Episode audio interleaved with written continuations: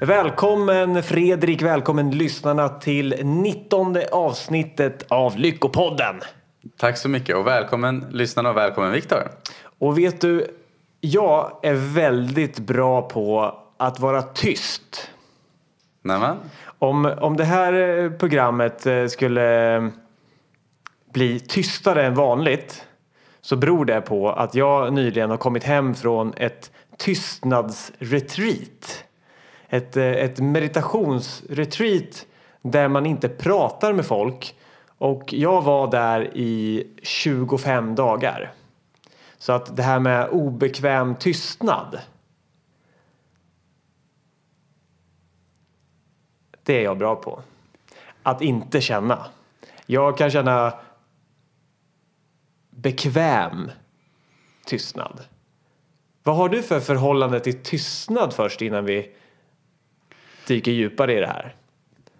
Det beror på. Ibland så kommer ju våra tankar ur tystnad. Alltså det är där de föds. Så därför brukar många av de övningar jag gör för att väcka kreativiteten är genom tystnad. Tycker du om tystnad? Har du lätt för tystnad? Jag kan välja tystnad ibland, men jag tycker det är kul att variera. Ja. Hur kommer det sig att du valde att åka 25 dagar på ett retreat i Sri Lanka? Precis, jag har varit i, i Sri Lanka då och då, det är nog på sin plats här. Vadå tystnadsretreat? Tror jag en del tänker och det gör man ju rätt i. För, för vadå tystnadsretreat? Och, och det här är alltså, eh, jag kan berätta lite hur det, hur det går till. Och det är ett, eh, ett retreat, alltså ett, ett läger kan man säga. Där man får lära sig, eller om man redan kan det, vilket var fallet för mig. Utan för mig, jag gick snarare djupare.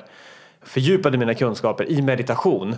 Och, och då då är man på ett läger och ett läger har ofta ett, ett schema. Det här ska du göra under, under din dag på ett läger. Och ett läger har ofta en lärare också. Jag tänker på scouterna när jag hör läger. Ja, ja men det är sant. Jag tänker nog på så här hockeyläger, fotbollsläger, sånt, så, träningsläger. Ja. tänker jag på. Och det här kan man säga är då ett träningsläger i, i att lära känna sig själv. Och då får man använda verktyget meditation så att en lärare talar om hur, hur man kan göra och finns där för att svara på frågor och sådär. Men annars är det att man klarar sig ganska mycket själv. Så man går upp på morgonen och så har man en timmes meditation och sen har man en paus och sen har man en till timmes meditation och så kanske man har lite yoga och sen är det lunch och sen fixar man lite och städar och donar och håller rent på det här stället. Och så håller det på sådär och avlöser varandra. Eh, stående meditation, sittande meditation, gående meditation, meditation ute i naturen. Så från morgon till kväll, tidig morgon, fem uppstigning till eh, att man går och lägger sig vid kanske halv tio på kvällen. Så bara håller det på sådär. I 25 dagar? I 25 dagar. Då får jag fråga, av nyfikenhet, vad känner du är ny, alltså, nyttan av att göra det? Eh, det häftiga som jag känner, eh, just det här med att man är i tystnad då, det betyder att man inte ska småprata med folk. Eh, om man behöver fråga något praktiskt eller så till någon lärare eller någon som, som kan något man inte själv kan. Så här, vart finns toaletten? Då kan man göra det. Så det är liksom ingen lag och det finns liksom inga, man blir inte utkastad om man skulle yttra ett ord eller om man skulle tala i sömnen liksom. Ja. Det är inte så.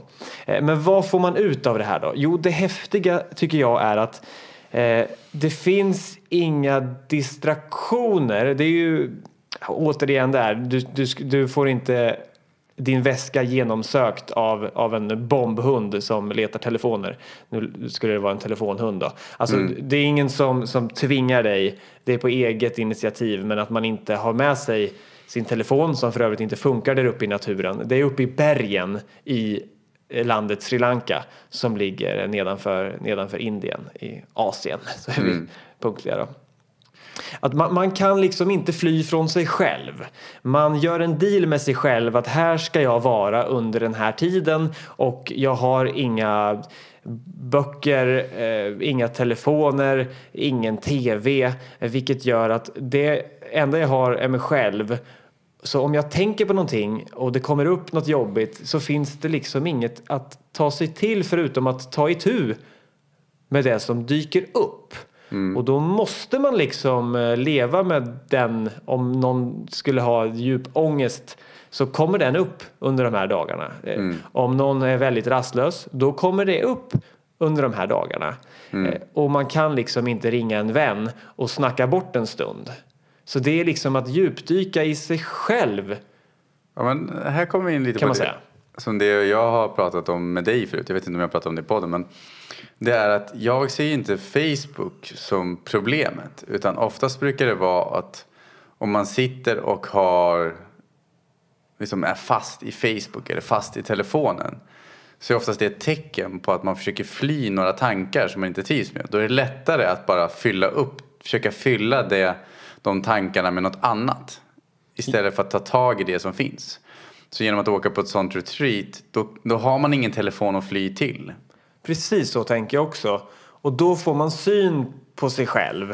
Eh, det är ju också då fasta tider för mat. Och det kan ju vara en annan grej att, att när man är uttråkad, känner sig lite trött eller på något sätt rastlös, då kanske man går till kylskåpet.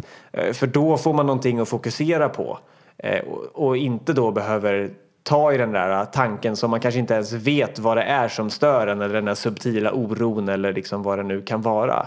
Då kan man lösa det genom att gå till kylskåpet. Någon kanske går och röker, någon kanske... Springer förbi Pressbyrån och 7-Eleven liksom. Precis, man har ju då sina olika så att säga flyktbeteenden kan man se. Men här så, så kan man inte göra det för att man får vackert vänta till, till maten eh, serveras exempelvis. Så, så att det, det är som att ehm, eh, lite som en liknelse då att stänga in sig i, i, ett, i ett labb eller i ett låst rum tills du kommer på hur du ska eh, ta dig ut liksom. Hur man tar sig ut ur sina egna tankefällor. Men, obse- här är vi inne på observationer också. Men tror du att personer behöver åka och fly, inte fly, det var fel ord, ehm, resa upp till bergen i tystnad för att hitta sig själva? Eller går det att hitta i vardagen också? Ja, det är klart att, att det går att göra det. På samma sätt som då om jag skulle ha ett, eh, ett vad ska det nu vara, matematiskt problem och så skulle jag säga okej, men jag tänker inte gå ur det här rummet förrän jag har löst problemet. Då, då gör jag ju verkligen en överenskommelse med mig själv att nu går jag in för det här fullt ut och då kanske det är lättare att få ro att lösa det här problemet. Och om jag har flyktbeteenden så tar jag inte till dem för det finns inget att fly till i det här rummet. En liknelse igen. Eh, och eh, det är klart att det skulle gå att lösa ett matematiskt problem ändå om du har disciplinen att göra det i hemmiljö. Men du får en hjälp på traven när du gör det här liksom, eh, överenskommelsen med dig själv att jag tänker stanna här. Ja, men jag tänker också på träningsresor. Till exempel om man vill komma igång med träningen. Så finns det ju, har det blivit populärare och populärare att man kan åka på träningsresa. Där syftet med resan är att man ska träna, ha olika aktiviteter som man kan göra. Liksom. Allt från springa till styrka till liksom simma. Eh, och om man väl kanske märker att oj, jag kommer inte igång riktigt här i Sverige. Så kan man använda det som en skjuts för att kanske få en extra putt i baken. Liksom, till att få i rullning bollen och energin och lusten att träna. Genom att man åker på en träningsresa där syftet är att man tränar. Alla man umgås med. Man, lite som att man byter miljö liksom. Ja men precis, för att sätta en, en ny vana exempelvis som då mål. Hela målet är ju att man ska ta med den här äh, tränings träningsformen man skapar eller vad det nu kan vara, alltså konditionen på en träningsresa, att man ska ta med den hem och kunna, kunna upprätthålla den. Kanske inte att man alltid kommer att, man kanske inte kommer fortsätta träna lika mycket när man kommer hem, men ändå att man ska behålla någon form av grund kondition i alla fall. Och det är ju samma sak med en sån här resa. Det är ju meningen att man ska hinna liksom, eh, komma på saker om sig själv som man tar med hem till verkligheten. För att många har ju tanken att så här, åka på ett meditationsretreat som att det är någon form av eh, så här, spa-resa och att det bara är avslappnande. Och avslappning är ju en, en skön effekt eh, av meditation. Men avslappning kan ju vara att när du sen så fort du kommer ut från centret. Det är en sak att vara liksom lugn när allting runt omkring dig är lugnt och du inte har några måsten alls. För det är också en effekt att du, du släpper ju alla vardagliga måsten och uppgifter och åtaganden som du har för du kan ju inte sköta dem inifrån det här meditationscentret ändå. Så, så det är ju en avlastning till väldigt stor del. Eh, så att det är lite som att om- man ska operera sig så behöver man vara på ett sjukhus där miljön passar för operation och där, där du liksom inte springer på du, du får allt serverat på ett sjukhus. Du, du får mat, du har läkare där. Du har allt du behöver för att göra det här. Eh, så du skulle inte få för dig att liksom lämna operationen mitt under operationen. Du fattar att nu behöver jag vara här medan jag gör det här. Och på samma sätt så, så kan du behöva vara i den här miljön medan du går på djupet i dig själv. Men det är inte tänkt att den som opereras på ett sjukhus aldrig ska komma ut från sjukhuset. Det är ju tänkt att han ska klara sin vardag bättre när han kommer hem och har, har slagit i en, en spik i foten som gör att den ska hålla liksom. Eh, Och på samma sätt är det ju här. Du ska ju inte rusta dig för ett liv på ett meditationscenter utan du ska ju komma hem igen med ett verktyg och fungera bättre när du kommer ut. Så att säga. Ja, men jag tänker ju som att när vi växer upp så har vi olika lager av oss själva som vi samlar på oss. Ett exempel är att man kanske har ett barn som är väldigt vilt av sig. Och då kanske det är skönare föräldrarna, för föräldrarna när barnet är tyst. Men då kanske de säger till barnet när det växer upp liksom, att du ska inte vara på det här sättet, du måste vara så här. Och då blir det som en mental bur som hamnar på barnet att jag behöver vara på det här sättet för att bli älskad. Och när man är med sig själv så får man observera många av de här tankarna som kanske far runt i huvudet. Och det är inte så att de gör det just då, de kanske gör det varenda vardag. Men just när man är där, då har man inte så mycket som uppe, vad heter det, eh, pekar på en liksom och tar ens uppmärksamhet. Ja men precis, så att man eh, det, det finns en, eh, jag läste det, en forskningsgrej och det är väl förmodligen på ett ungefär för jag vet inte hur man skulle mäta det här annars. Men de, åh, det är så, alltid svårt med siffror men om det var att va, våra sinnesintryck, allt vi kan liksom eh, ta in, att det står för en, ja, 10 gigabyte tror jag att det var. Att vi liksom genom syn och hörsel och tankar och allting liksom bombas med 10 gigabytes eh, data i sekunden. Men det är bara 100 kilobyte som vi faktiskt är medvetna om. Alltså ytterst lite av allt det vi skulle kunna vara medvetna om upplever vi faktiskt och vet om att vi upplever. Och, och då, vi hade något exempel tror jag i förra programmet att om, vad är det att vara medveten då? Om jag äter ett äpple och hör hur det låter och jag känner smaken och jag vet eh, om det är varmt eller kallt, ja men då har jag Då är man medvetet då är jag medvetet medveten och då investerar jag rätt många av mina 100 kilobyte på det här. Så då kunde man säga att, att om man är i den här miljön och då tar man bort alla distraktioner och då kan man använda så mycket av sin kapacitet som möjligt för att registrera sig själv. Ja, sina tankar, vad man tänker. Ja, precis. Jag, tänk, jag kom på en grej faktiskt. Man kan förlänk, förenkla den här. För att jag har också hört olika jämförelser. Så Men det är att man kanske man tar in en procent av intrycken. Nu har inte jag någon forskningsbaserat. Det här är mer en för, symbolisk förklaring. Att du, tar, du är alltid medveten om allt. Du har alltid en del av dig som observerar allting runt dig. Så du tar in all information kring dig precis hela tiden. Men det kanske bara några procent som är medveten om det. Ett bra exempel på det är, låt säga att du är på ett fest eller ett mingel eller något sånt. Och du står och pratar med några vänner eller bekanta. Och så hör du ditt namn lite längre bort i rummet. Direkt så snappar ju du upp, oh shit jag hörde mitt namn, ja men vem är det, vad är det? Men det intressanta är så här. Du tänkte ju inte på nu ska jag leta efter mitt namn i det här rummet bland alla. Låt säga att det är 20 personer till som är på den här äh, festen då, i minglet då. Som står och pratar. Då betyder det ju egentligen att ditt undermedvetna registrerar alla samtalen runt omkring dig.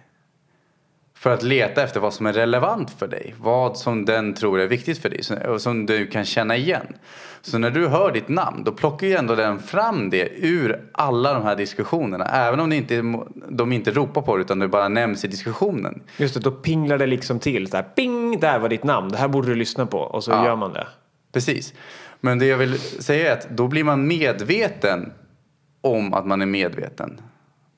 Men innan så kanske de har hört pratat diskussioner kring det. Men så fort du hör en nyckel, så en ledtråd som gav ditt undermedvetna så här, det här borde du vara uppmärksam på. Då blir, börjar du bli medveten och observera det mera. Men ditt undermedvetna har hållit koll på alla diskussioner under hela tiden. Mm. En annan häftig effekt som blir, alltså jag var där 25 dagar och det är ganska länge, det behöver man verkligen inte vara. Jag var där på då en kurs kan man säga, en lärarledd retreat som var i 10 dagar och så stannade jag kvar resterande dagar och var där på egen hand. Eh, men man kan vara där fem dagar eller tre eller kanske en helg också. Mm. Eh, och det häftiga som jag upplevde första gången jag var där, det var andra gången jag var i Sri Lanka, det första var för ett och ett halvt år sedan. Mm. Då var jag där sex dagar och jag, det, det var, hade en extremt stor effekt. Det har, det har förändrat mitt liv genom det här sättet att observera mig själv. Det på, vilket, liksom en, på vilket sätt var det fördelarna då? Ja, men det var en polett som föll ner, eh, det här med att, att få syn på sina egna tankar. Att en tanke eh, går faktiskt att observera och säga så här, jag märker att jag håller på att bli eh, arg eller orolig. Och det betyder inte, förut var det mer så här, nu är jag arg eller nu är jag orolig. Mm. Men nu kunde jag liksom, ha det här är på väg att hända. Jag kunde få syn på mina egna tankeprocesser. Att lite skapa det här mellanrummet från eh, tanke till handling och då få, få en stund eh, och kunna välja att nu är jag på väg att göra det här men jag kanske inte tycker att det vore så klokt mm. så jag avstår istället. Vad, har, vad tänker du för tips då till de som lyssnar på det här nu? Hur kan de börja observera sina tankar i vardagen? Du vet, vi kan ju både rekommendera, jag har själv inte varit på sånt retreat, men du gissar på att du rekommenderar att åka på sånt? Ja, jo, men det gör jag. Eh, men vad skulle du rekommendera för en, som en start för att observera sina tankar och komma åt den effekten redan här hemma i vardagen? Vare sig man sitter på bussen, tunnelbanan, i hemmet. Ja, men jag vet att, att du, du har en bra sån här eh, snabb eh, hisspitch kan man kalla det. Någonting som är så snabbt så att man kan förklara det för någon i en hiss. Och då, då, då brukar du säga så här, eh, kan du lägga märke till vad din nästa tanke är? Mm. Så att om vi gör det nu med lyssnarna här. Vad är din nästa tanke? Observera dig själv. Vad är din nästa tanke?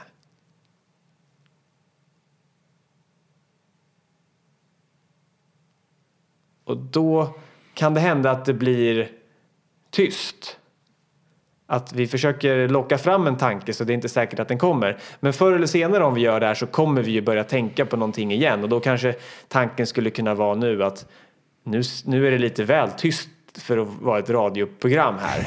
försvann de? Hän, försvann min volym i telefonen? Och då är mm. kanske det din första, din första tanke. Så mm. det är ju liksom ett sätt att börja se, man skulle kunna säga vända blicken inåt. Mm. Eller kanske sätt dig, eh, vet, gör, gör några benböj eller armhävningar och fundera på varför du, varför du slutar efter en stund. Då, det är då kanske att det, du börjar bli trött och så tänker du nu orkar jag inte mer. Mm. Kanske kan du få syn på tanken som säger nu orkar jag inte mer innan du bara ger upp. Så, mm. så det handlar ju om att, att vända blicken inåt. Det kan ju låta lite flummigt men man kan hålla på och experimentera på det sättet. Ja, men jag kan, för att göra ett konkret exempel om man vill förändra sitt resultat då, är att våra tankar leder ju till våra känslor. Och våra känslor leder till hur vi agerar. Och hur vi agerar leder ju till vårt resultat. Så om, baserat på den mer konkreta principen, vad tänker du då med tankarna? Hur de påverkar resultatet? Hur påverkar våra tankar våra resultat? Ja, alltså det är, tanken då ligger ju före känslan och handlingen i den här, den här kedjan. Så att om vi får syn på tanken, då kan vi få det här mellanrummet som gör att vi inte måste handla direkt och få det resultatet. Så att vi kan helt enkelt eh, få, få makt över våra handlingar om vi i tidigare skede får syn på oss själva. För då bryter vi den kedjan som tidigare var automatisk. Tanke, känsla som föder lust att få till en förändring, handling exempelvis. Om vi får syn på det tidigare då kan vi bryta den kedjan som förut bara rullade på utan vår medvetenhet och då kanske det första vi la märke till var handlingen mm. som, som var att jag har hävt ur mig ett, en, en spydig kommentar som hade varit bättre att, att hålla inne. Men då kommer jag på det först när jag redan har släm, liksom den där grodan har, har släng, slunkit ur, slankt, vad heter det, ur ja, min mun. Hoppat, liksom. ur, hoppat ur min mun. så, men, så då kan det istället vara så men nu nu märker jag att jag sitter och, och tänker att, att det här är en, en, en jäkla eh, konstig snubbe eller en idiot. Men att jag tänker det. Nu noterar jag att jag tänker. Mm. Man kan börja kommentera sig själv, lite så här som en, som en sportkommentator. Att man kommenterar, en sportkommentator sitter och kommenterar en fotbollsmatch, så säger han så här. Eh, Andersson har bollen i eget straffområde, passar ut mot kanten till höger som avancerar in på mittlinjen. Eh, ja, sådär. Han, han talar om vad han ser. Och, och det kan man leka lite med, att kanske kan man lyckas eh, tala om vad man tänker. Så här, men jag tänker att, att nu gör jag armhävningar, jag tänker att det börjar bli lite jobbigt. Jag känner att även jag har svårt att hålla, hålla upp ryggen. Jag går ner, eh, jag, jag känner hur min andning blir tyngre, jag går upp igen. Att man börjar liksom leka med att kommentera sina inre processer. Och det är inte säkert att det här kommer direkt. Eh, och det är också en sån effekt då att i början av ett sånt här meditationsretreat då går man oftast inte direkt på det här som vi pratar om nu, att observera sina tankar. För det kan låta flummigt, så här, observera dina tankar, men vad då? Hur gör man då liksom? Jag kommer ihåg första gången jag hörde så fattade jag ingenting av det. Precis, så att, och, och det kanske inte är meningen heller. Då kanske man går rakt in liksom. Det är som att, att, att lära sig eh, skjuta slagskott i hockey innan du har lärt dig hållt i klubban. Det, är liksom, det är lite för snabbt om du inte har spelat innebandy innan på gatan och vet ungefär hur det går till. Vart Så- rekommenderar du att man börjar? Jo, så det man, det man oftast gör är att man först, för att kunna observera sitt, eh, sina tankeprocesser så behöver man först lugna ner dem. Att, att komma liksom i, i balans. Om du ska studera vad som finns på havets botten eh, och du står på en brygga så, så behöver du nog vänta tills det inte är så himla blåsigt ute för att du ska kunna se någonting. Så du behöver lugna ner ditt eget, du behöver lugna ner vattenytan så att säga. Så att då, då gör man ofta sådana här enkla övningar, eh, eller enkla och enkla, men att man exempelvis fokuserar på, på en sak. Det skulle kunna vara att du tänder ett ljus hemma och, och så tittar du på lågan och, och så kommer det kanske någon tanke då. Eh, Och då vänder du bara bort den och säger okej tillbaka till lågan. Eller så känner du så här, men det här var ju astråkigt. Men tillbaka till lågan. Och att man gör det liksom med lite på ett snällt sätt. Inte så här vad dålig jag är som inte kan hålla blicken på lågan utan bara så här. Men nu provar jag och varje gång jag försvinner iväg så går jag tillbaka till, till ljuslågan. Man kan också känna sin egen andning exempelvis. Försöka följa hur magen rör sig när man andas. Eller hur luften går in och ur näsborrarna. Och där kan jag lägga till då att en del människor när de börjar med den här typen av träning tänker att oj vad dålig jag var som tänkte en tanke när jag inte borde tänka en tanke. Och det är inte det som är meningen utan vi har ju tankar, de far ju runt. Poängen är mer att observera, oh, men gud, jag tänker tankar och jag tänker på det här sättet, varför gör jag det för? Och sen så, vad är poängen med det hela? Alltså, vad är syftet? Varför ska man sitta och observera ett ljus? Det kan ju låta galenskap för vissa. Liksom. Det, vad är poängen med det? Vad får jag ut av det hela? Och det som jag lärde mig med tiden som är en av nycklarna som hjälpt mig. Jag kanske inte är 25 dagar, jag brukar köra två minuters meditation lite då och då. Så att, eh, Vilket kan vara minst lika bra. Ja. Precis. Men det som hjälpte mig var, det var jag märkte det att när du observerar dina tankar så förändrar du dem. Genom att vara medveten om att du är medveten så förändrar du tankeprocesserna. Kanske inte alltid första gången, ibland första gången. Men det gör att om du blir uppstressad av en situation så finns en chans. Till exempel, jag hade en sak som jag gick och oroade mig för förut. Och när jag började observera de tankarna och gjorde det på djupet i fem minuter. Och då snackar vi om att det här grejen gick jag och oroade mig för i flera år tills jag bara satte mig ner och tänkte det här är inte möjligt. Varför går jag och oroar mig för det? Det är ju ren galenskap. Och genom att observera det i fem minuter så har de, den oron aldrig mer kommit tillbaka. Det är himla häftigt här. Jag, får upp en liknelse i huvudet. Du vet, om, man, om man är på nöjesfält, jag vet inte om de har sådana fortfarande, men jag tror det. Eh, då kan man... Vad säger du till Gröna Lund? Eller? Ja, nöjesfält, typ Gröna Lund, Liseberg. Ja, det har de. Ja, men nöjesfält finns fortfarande, ja just det. jag vet inte om de här är populära. Jag har inte varit på, det var länge sedan Men jag var på, en åkattraktion eller vadå? Nej, en, en sån här, du, du står med en hammare och så ska du slå ner gubbar som dyker upp plötsligt. Ja. Eh, och då kan man se det som att eh, vi försöker ofta slå ner tankar som vi inte tycker om.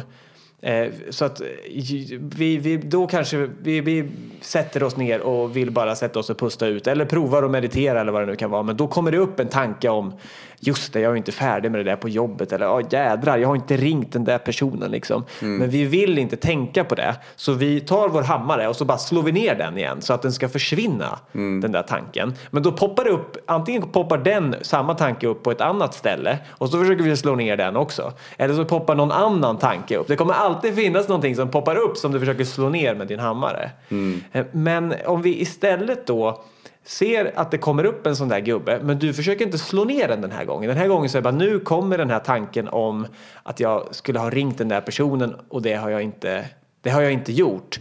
Men då försöker vi säga, okej okay, jag konstaterar att det är så men jag bryr mig inte om att slå ner den och så tittar jag på den där gubben, mm. den där uppgiften som inte är gjord och bara låter det vara så. Då kanske den tappar sin kraft. Den så bara, ja men det är faktiskt sant, jag har inte gjort det här men jag kan faktiskt koppla av nu i alla fall. Så det blir lite som att man trycker på off-knappen på maskinen och så precis. vinner man genom att man har inga gubbar som kommer upp. Ja. Det ändrar spelreglerna helt enkelt. Ja, det ändrar spelreglerna och det är det jag menar. Nu kommer det någon sorts pling här. Vi ska bara se så att, eh, så att Hur är det möjligt? Ljudet tekniken fortfarande är med oss. Men det gör ingenting. Det var en sån där gubbe som, som vi inte behövde slå ner utan vi bara... Den gjorde oss uppmärksam på ljudet. Vi bara accepterar den helt enkelt. Så att jag använder den här liknelsen till det du säger att om vi observerar våra tankar då förändrar vi dem samtidigt och då ser vi att den, ja men jag kan ringa den här vännen imorgon och då när jag har tagit itu med det, då är det inte lika skrämmande. Den där gubben som kommer upp är inte så här blä, hemsk gubbe. Det är bara så här, okej, okay, det är någonting jag ska göra och jag kan göra det nu eller jag gör det imorgon. Mm. Så då tappar den kraften att skrämma oss och då har vi inget längre behov av att slå ner allting som dyker upp. Mm. Så om vi satt oss och mediterade och hade en idé om att nu får det inte dyka upp en enda ful gubbe. Mm. Då kommer vi bli besvikna. Ja, det kommer vi garanterat bli. Och jag vill lägga till här, oftast en positiv grej som jag genom observation också är att försöka hitta anledningen bakom ibland. Det behöver man inte alltid göra. Jag skulle säga att nu, nu snackar inte jag att du ska sitta och djuprota i dina tankar på det sättet utan mer om du har ett beteende att du äter på ett visst sätt eller liksom du har ett ohälsosamt beteende som du inte tycker om Se det istället som ett symptom. Försök observera, vad intressant, var kommer det här ifrån? Men kan vi ta det som exempel då? Om man säger, säger att, att vi någon, det är ju vanligt att vi äter väldigt fort. Mm. Puff säger det och så var maten slut. Mm. Vad skulle det kunna vara då som exempel? Det kan ju vara, alltså om du har det beror på, det finns ju fixerade idéer som man kan få i sitt undermedvetna. Jag kommer ihåg att jag efter lumpen började äta snabbare. Och det, där var det då att liksom, du hade en kvart på dig att få upp kokköket, laga ihop någon liksom vattnig soppa, så här pulvergrej. Äta maten och diska och packa väskan och skulle vara iväg igen. Wow, det är därför man har soldatens ärtsoppa eller? Ja, men det, det, det är liksom, det, ja, men jag kommer ihåg att vi hade typ ibland en kvart, 20 minuter. Ja. Och om du tänker på att liksom, du ska hinna laga maten, alla de här grejerna och så gör du det under en viss period. Då vart ju det ett beteende som gör liksom, jag har fortfarande än idag kvar delar av det. Mm. Men jag kan ibland sitta och skratta åt det bara njuta av att ja, nu äter jag lite snabbare. Men så, att man inte mår dåligt av det. För då har du observerat att okej, okay, jag hade bråttom under en period i lumpen och då vande jag in det här. Mm. Men så, kommer du på dig med att sitta och äta snabbt fast att du har gott om tid. Mm. Och, och, då menar du att så här, okej, okay, om jag sätter mig och funderar på varför äter jag så himla snabbt? Då mm. kanske du kommer på att jo men fasen, det gjorde jag inte förr. Eh, men det hände någonting där efter lumpen. Ja, men jag äter nog snabbt för att jag vande in det då. Mm. Och då kan du ju, har du ju fått syn på den här fula gubben då som, som dök upp. Och men, då kan du ju kanske välja att okej, okay, men nu behöver jag inte äta Då dök ju nästa gubbe upp istället och då insåg ja. jag liksom att det här med maten Oftast, eller inte oftast, men ibland kan det vara så att ett beteende som kommer till från någonting, en situation, grundar sig oftast mellan 0 till 7 år. Mm. Och det var när jag var liten, då fick jag uppmärksamhet genom att jag åt mycket. Mm. Och då blev det liksom att få i sig mycket så äter man snabbt. Så att det, liksom, det triggar igång någonting obearbetat från barndomen. Okay. fick du liksom uppmärksamhet så här, ah, han, eh, lille Fredrik han är så glad i maten, en stark kille, eller hur var det liksom? Alltså oj vad du äter mycket liksom. Och då såg jag det som att jaha, jag, jag, jag blir sedd. Och då tolkade jag det som ett kärleksfullt alltså ett sätt att få uppmärksamhet. Det var inte kritik. Alltså det, jag var van för att jag var världens bråkstake när jag var liten. Så jag var väldigt van att bli kritiserad. Så här var det ofta så istället att istället för att jag var en idiot, jag var jobbig. Så kunde folk istället säga, men gud vad det äter mycket. Och då var det som att då fick jag positiv uppmärksamhet. Tolkade jag det som. Sen att det var ett inte så sunt beteende, det är en annan sak. För jag vägde för mycket då.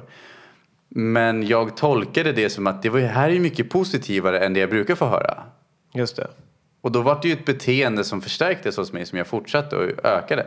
Och det här tycker jag är liksom, eh, det här är, är självutvecklingens eh, ABC på något sätt och det är det här som är så himla värdefullt. Och då blir det ett bra exempel på att meditation kan vara en väg att komma på de här sakerna och så måste man inte dra på ett meditationsläge för det. Men det här observerande förhållningssättet, eh, att jag i nuet kommer på att jag äter väldigt fort, det ledde dig ner till, till lumpen som ledde dig ända ner till, till barndomen till slut. Mm. Och då har du liksom hittat roten roten till, till det här. Men ibland behöver man inte alltid göra det. Och ibland så spelar det ingen roll om man uppmärksammar det. Det kommer fortfarande ta tid.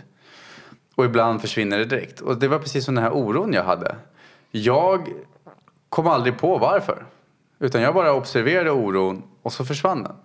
Ja precis, man måste faktiskt inte alltid veta om och lösa upp någonting medvetet utan om man bara låter den där fula gubben som kommer upp här på nöjesfältet, om man bara låter den vara kvar så kommer man märka och det, är det, här, det måste man uppleva av egen erfarenhet för att tro på det för det låter nästan som någon, magi kan, kan låta. Mm. Men om man låter den där fula gubben vara kvar där så kommer den lösa upp sig själv. Mm. Eh, och det är, riktigt, det är riktigt häftigt och det var det jag upplevde då första gången jag var i Sri Lanka att, att jag kunde ta upp problem till ytan. Oftast förstod jag dem så att de löste upp sig med förståelse också.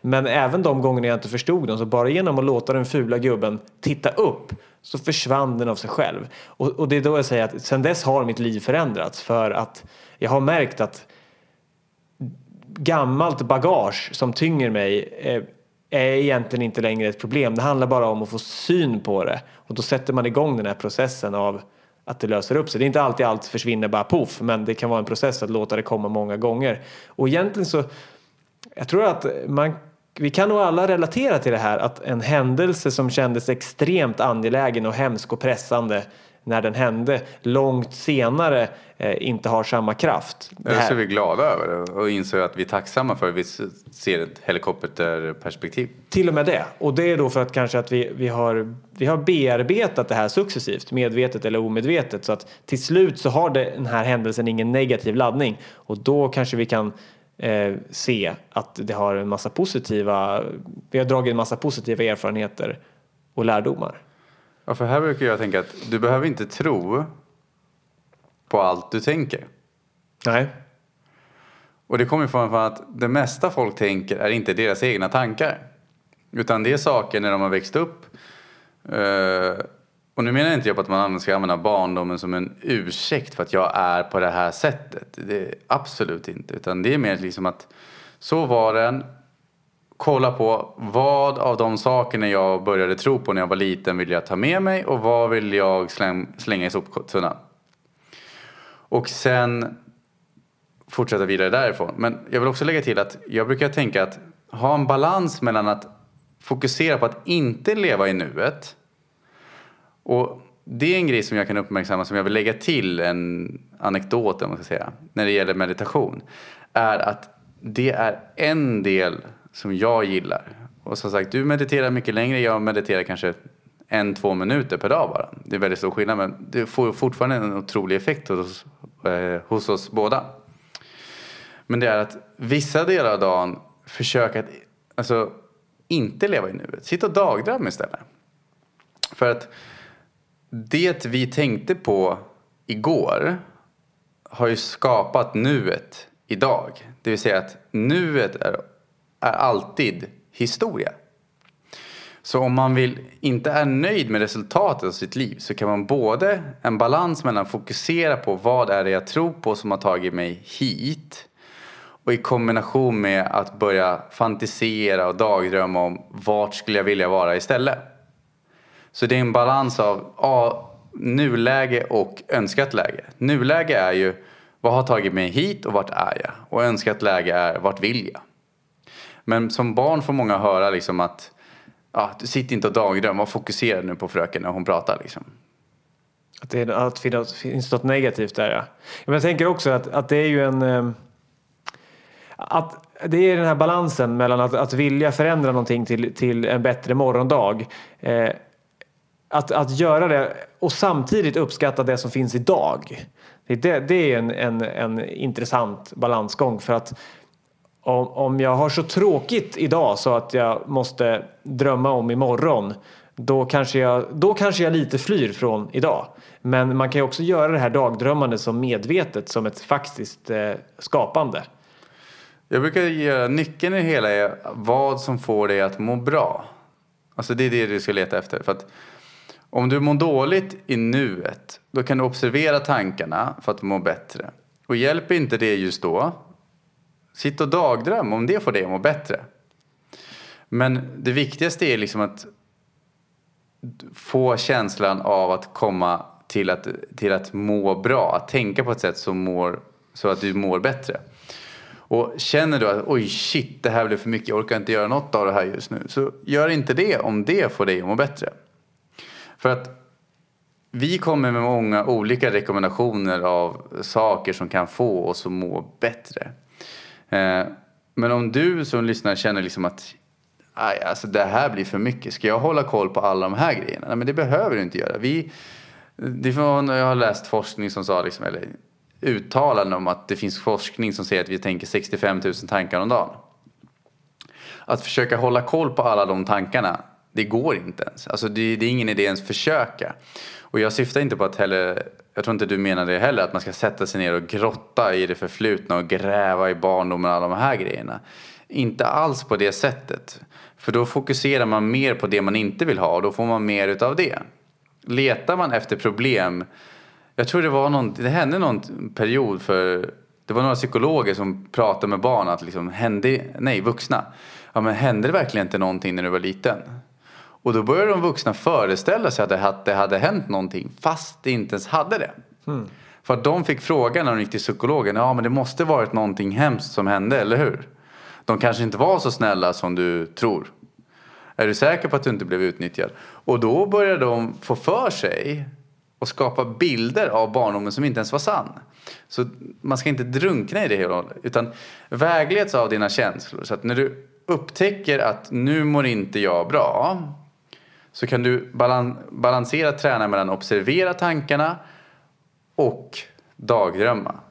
Och det går ju även anlit, alltså gå till en coach eller en tränare som kan hjälpa dig med de här sakerna om du inte vet riktigt var du ska börja. Eller så använd någon av tipsen som vi kommer med här i podden eller på hemsidan. Liksom. Eller hör av dig till oss så tar vi en sittning. Det ja. funkar också.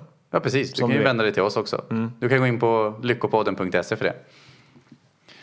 Eller Facebook.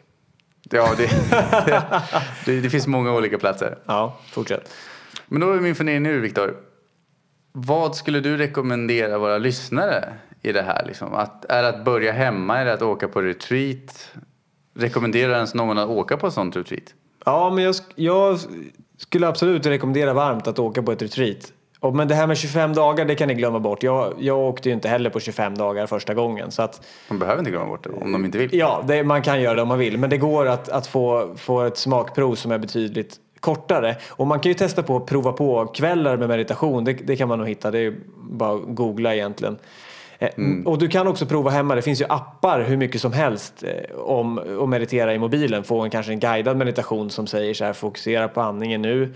Nu kan du känna hur du blir avslappnad i, i fötterna, i benen. Så då får man allting serverat. Och, och de prova jättegärna på dem. Det är himla, himla bra grejer. Eh, men det som är det är bra med ett retreat är att man på något sätt man kommer till en annan miljö, kan släppa alla eventuella måsten och, och, distraktioner så att man, man kan unna sig själv det lugnet som gör att vi oftast kan ta till oss den här tekniken på en djupare nivå helt enkelt som vi hade en massa liknelser för mm. i början. Eh, och då kommer den här avslappningen som vi kan få av att fokusera på andningen eller fokusera på ett ljus eller vad det nu kan vara. Den stillar då vattenytan som gör att vi kan eh, komma in djupare och, och börja förstå oss på hur de här tankeprocesserna funkar och sådär. Och, och om vi lever stressigt så, så, eller om vi inte lever så himla stressigt heller så, så kan vi ge oss den här möjligheten att få undersöka oss själva med en mer eller mindre blank vattenyta.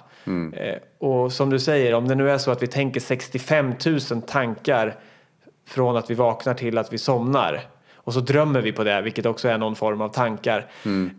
Finns det då något verktyg som skulle kunna vara mer kraftfullt än att lära oss mer om hur vi tänker? Eh, Det är eh, för mig i alla fall personligen eh, det överlägset bästa verktyget som finns för, för välmående, för framgång, för egentligen allting. Eftersom allting kommer och springer ur källan tanke. Det är där det börjar. Så att, att ha mera koll på hur vi själva fungerar, det, det, är, det är så himla det är så himla värdefullt för vad du än ska göra. För vad du än gör så har du någon form av tanke om det. Och vad du än tänker tillbaka på bakåt i tiden så är det någon form av tanke. Om du tänker planera framåt så är det någon form av tanke. Känner du på ett visst sätt så är det en tanke som triggar känslan. Precis, så att, så att tankarna, ja, det, det är vårt, tankarna är vårt liv och vi blir vad vi tänker och vi tänker vad vi blir och allt vad det nu är. Vi kan vända på det hur mycket som helst. Så vi- det här är ett verktyg att, bli, att lära sig behärska, bli herre över sina tankar. Vilket också kan betyda att vi, eh, vi kan ha en massa tankar utan att behöva bry oss om dem. Vi kan se dem utan att identifiera oss med dem. Ja, för att vara herre över sina tankar är ju inte att du har kontroll över alla dem. Nej, precis. För det, alltså, det, de kommer och går utan det är mer att man behöver inte tro på allt man tänker. Och om man herre då är det mer liksom att de dyker upp. Och har du en, har liksom en person en känsla att det här känns inte bra. Så kan det ju vara att de intuitivt liksom vägleds inifrån vad de ska till. Men ibland kan det även vara lager av saker de in, vad heter det, tror på som inte är sant. Som hindrar dem från att leva till sin fulla potential. Men med det här så skulle jag vilja avrunda dagens avsnitt och tacka lyssnarna för att ni tog er tiden till att vara här. Och tacka Viktor för att du delar med dig av upplevelsen. Ja men eh, tack, det, det, det, är bara, det är bara kul. När man lär sig någonting så, så vill man ju automatiskt eh, dela med sig av det. Och det tror jag för övrigt är en så mänsklig eh, grund, eh, grundprogrammering eller någonting. Om man älskar någonting vill man gärna prata om det så kan det handla om att samla på muttrar, spela tennis eller som vi, prata om det vi lär oss om oss själva för att dela med oss. Då kan en fråga som lyssnarna säkert har det är hur kan vi ha poddavsnitt om vi är på retreat?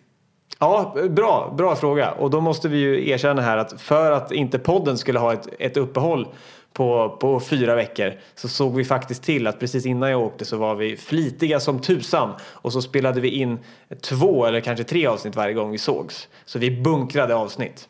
Och nu är vi tillbaka på ruta ett, eller ruta ett, nu är inte, vi är tillbaka här igen. Jag själv åkte till Spanien medan du var borta så att Ja, precis. Men det är inte så, hoppas ni inte känner er lurade där, men om ni skulle titta på en tv-serie och det var fem avsnitt eh, och sen så säsongsuppehåll så, så vet ni ju kanske också att Eh, varje avsnitt inte nödvändigtvis spelades in samma dag som det sändes på tv. Men nu, eh, den här gången så är det spelat den här veckan, så vi är liksom tillbaks i fas igen. och även förra. Och det här är också lite att, vad heter det, leva som man lär. Att bygga upp en livsstil där du kan göra det du älskar och samtidigt hitta på saker och de sakerna man drömmer om eller som tar en, vare sig det är retreat eller liksom semester eller sådana saker. Kunna göra det och samtidigt göra det man älskar. Om man ser till att, om man har tanken om att det måste gå att kombinera, ja då går det. Precis. Ja, jag får tacka så jättemycket och önska er en fantastiskt trevlig vecka till nästa gång. Tack själv. Hej. Hej!